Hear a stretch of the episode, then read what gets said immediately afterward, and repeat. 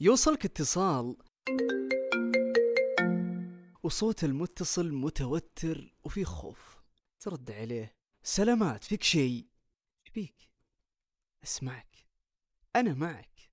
لا والله بس إني أبي أستشيرك في موضوع خاص شوي. أهلا يا أصدقاء. اتشرف بكم في زاويتي الصوتية بودكاست على الرف. أطباع الناس وأفكارهم وأساليبهم مختلفة في تقدمهم أو تأخرهم. والعلاقات الإنسانية ما هي إلا اختبارات لمدى جاهزيتنا إننا نكون أفضل في الصدق والعطاء وكثير من الصفات الجميلة فينا ومنها صفة الجدية اللي بنينا عليها هالحلقة. أن تكون جاد يعني أن تتخلى عن بعض مواطن الهزل في شخصيتك. ولكن قبل نبدأ بنتفق على مبدأ مهم إن الجدية مفهوم واسع مثل سائر مفاهيم الحياة سواء على الإنسان نفسه أو على المحيطين فيه من عائلة وأصدقاء وزملاء عمل هالمرة صغرت دائرة مفهوم الجدية. لحد ما ركزت على شخصيات ما أقدر أخذها على محمل الجد.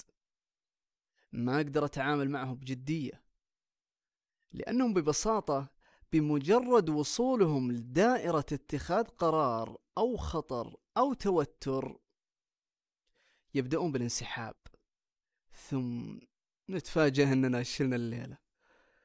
واجهنا المشكلة كاملة والحدث كامل. وعلينا المواجهة بالنيابة. تخيل تواجه شخص أو مجموعة وأنت ما لك علاقة بالموضوع.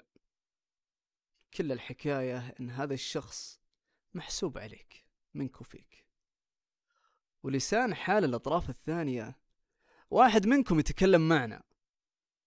تحكم قربك أو رابط العلاقة بينكم مهما كان توجهها بتضطر تواجه بالنيابة. ومن أقسى المواجهات بالنيابة إننا نواجه الظروف المالية أو القانونية وكل هذا من شان خاطر عين تكرم مدينة. ولو دققنا أكثر في أوقات الرخاء كان شفنا أن هالشخصية غير جديرة بالثقة لأنها شخصية غير جادة ببساطة. وهذا سبب كفيل بالابتعاد عن التعامل بين علامتين تنصيص التعامل اللي له عواقب. وأقرب مثال مسألة الكفالة المالية وهي ضمان يطلب صاحب الحق. والناس نوع يوفي الالتزام اللي عليه ويفك الكفيل من المشاكل وفي نوع يهرب بالمال والكفيل مسكين يسدد ويتعرض للعقوبة هذا الإنسان غير جدير بالثقة لأنه ببساطة استغل اسمي واستفاد من الفلوس واختفى وأنا المسؤول عنه. قانونيا طبعا. أو تشتغل على مشروع تتفاجأ أن الشريك معك أو المدير غير مؤهل كل المسؤوليات. وعند أول منعطف يرمي كل شيء عليك. وكل ما ضاق المنعطف أكثر اختفى. ثم تكتشف أنك لحالك قدام سيل هادر من الفوضى تواجهه وحدك. يوصلك اتصال وصوت المتصل متوتر وفي خوف. ترد عليه سلامات فيك شيء؟ لا والله بس إني أبي أستشيرك في موضوع خاص شوي. أكيد أكيد أسمعك. تفضل. مر علينا هذا النوع من الاتصالات ومرات يكون لقاء مع شخص تعرفه محتاج رأيك. لأنه يقول إني متخبط وأبي يد تنمد لي وتعطيني إحداثيات أمشي عليها. يا أخي أنا تايه في هالحياة.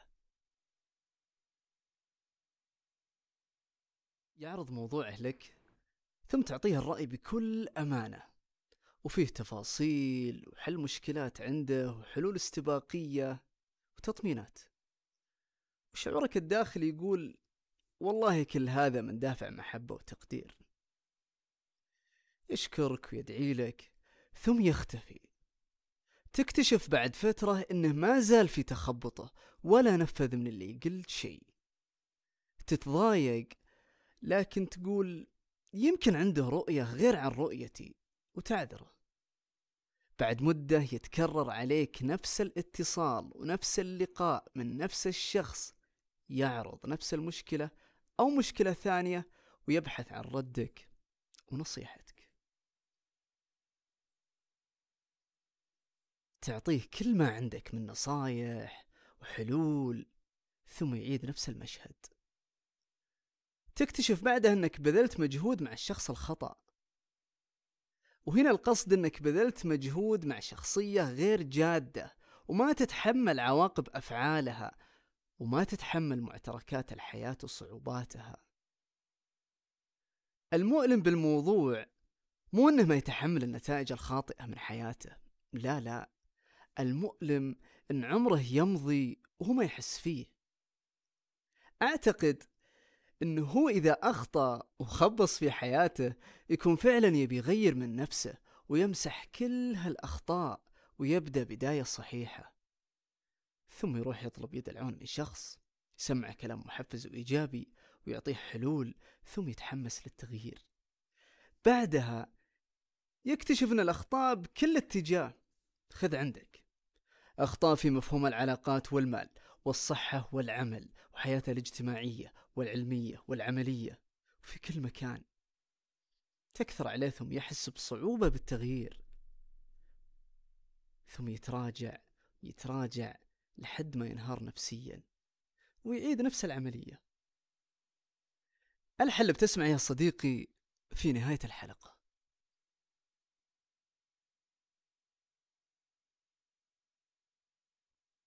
المتعب بالموضوع إذا كان أحد أفراد العائلة غير جاد ولا يتحمل العواقب ويتهرب عن المسؤوليات سواء أب أو أم أو زوج أو زوجة أو بقية أفراد العائلة. هنا بصراحة فعلا تحس أن مهمتك في الحياة ترجع له أخطائه أصدقائي العرب الغالين نستخدم مصطلح يرجع من رقعة الثوب التي تستر التشققات. صحيح والله مهمتك تعدل أخطائه وهذا بيكلفك الكثير الكثير من السمعة من الصبر من التفاني من رابط العائلة. واللي يزيد الألم إذا هذا الإنسان ما يستوعب أنه على خطأ أو مو راضي أنه يتعدل وهالقناعة عدم الرضا بتعديل الحال يمكن أسبابه أنه نشأ على أفكار خاطئة أو اتكالية من الطفولة. أصدقائي بصارحكم في موضوع. أنا أخاف من إعطاء الحلول. إي نعم أطبقها وأشوف نتائجها لكن القناعات تختلف بيننا وأساليب ومسارات حياتنا مختلفة. وإذا ارتحت لأي حل سبق وذكرته في حلقات ماضية تأكد أن هذا الشيء يسعدني. ولا أصنف نفسي مرشد اجتماعي أو غيره. ولكن متأمل في الحياة وفي الناس. في البداية نبدأ في حال كان المدير من الشخصيات الغير جادة. بحكم سلطته الإدارية والواجبات اللي عليك هنا لابد أنك تكون جاهز لأي انسحاب من طرفه وتكون مستعد للمواجهة لأن ببساطة هذا بيصقلك وبيفيدك على مستوى حياتك. ومن قيم الإنسان اللي يعتز فيها هي الصعوبات اللي تجاوزها. الحل أشوف أنه بصعوبة يتغير لأن هذا سلوكه الشخصي والرابط بينكم هو عمل فقط. ساعات محدودة يوميا كل واحد يرجع لبيته. أما مع التعاملات المالية اهرب هروبك من أي شيء يخوفك. وأساسا قبل تتعامل مع أي شخص بتعاشره فترة وبتلمس منها الصدق والجدية. وانتبه من اللي على قولة الشاعر العربي. يعطيك من طرف اللسان حلاوة ويروغ كما يروغ الثعلب. تجربة الناس هي البرهان. مع الأصدقاء مثل صاحبنا اللي اتصل قبل شوي هذا في الغالب طيب قلب ورهيب بس مشكلته بصراحة ما يعرف يدير نفسه. ما يعرف يدير نفسه عند الضغط. فتراكمت عليه الأخطاء وعلق فيها وما قدر يطلع. هذا أشوف إن بعد ما تستنفذ كل المحاولات لتعديله صارحه إن يا فلان أو يا فلانة أنا أبيك تعيش الحياة كما تستحق أن تعاش بدون ما يكون عندك قلق من كل اتجاه في حياتك. وش فيك؟ أسمعك. أنا معك. تبون الصدق؟ إذا بنسوي كذا مع أصحابنا بإذن الله أننا من أهل الخير. إذا والله ما نفع ولا أبي أفرط بالصديق إما أتعايش مع وضعه ولا لك التصرف ما أبي أقول يعني اسحب عليه لأن خسارة الصديق مهما كانت مؤلمة. مع العائلة إذا كان أب وأم هنا الوضع بصراحة صعب بالذات إذا هم مقتنعين أنهم على صواب. ولكن من رحمة الله فينا أنه أنزل البر فيهم والتعبد في خدمتهم وحتى لو نواجه بالنيابة عنهم. وهذا شيء ما لنا فضل فيه. فوالله هو المكسب.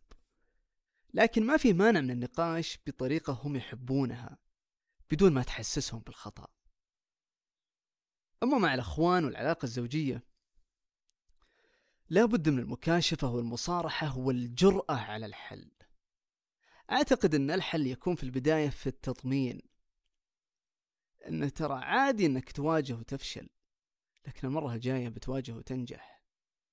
كذلك نستخدم معه أسلوب المواجهة المساعد. يعني روح عدل الشيء الفلاني وأنا معك. عادي لا تخجل من نفسك إنك تبدأ من أصغر الأشياء وتواجهها. لأن تكوين السلوك والعادة هو نتاج تجارب بسيطة وصغيرة. اسمع منه تقبل مشاعره وأفكاره. اللي من خلالها اعترف إنه ما يقدر يواجه أو بمعنى يخاف من المواجهة. وابدأ بتفكيك هالمخاوف. أخيرا يا أصدقاء العلاقات تتشكل حسب سياقها الاجتماعي. وبداية من علاقتك بأسرتك وأقاربك إلى الأصدقاء والزملاء. وفي شيء يسميه العرف يعني هذا الشخص إيش معروف عنه؟ من هنا توضح وتظهر الجدية في الشخصية تجاه الأمور اللي ذكرناها. يعطيك العافية أنك سمعت الحلقة بالكامل. وشاركها مع أصدقائك وعرفنا عليهم وتكون أنت صديقنا المشترك. كذلك اكتبوا لي مفهومكم الخاص تجاه الشخصيات الغير جادة اللي صادفتوها في حياتكم. المهم لا تنسون تقييم البودكاست هذا يساعدنا في الظهور. وكذلك كتابة تعليق محفز لنا على أي تطبيق بودكاست تسمعونا منه. وبإذن الله القادم مميز بيسعدكم. يومكم طيب وليلتكم سعيدة.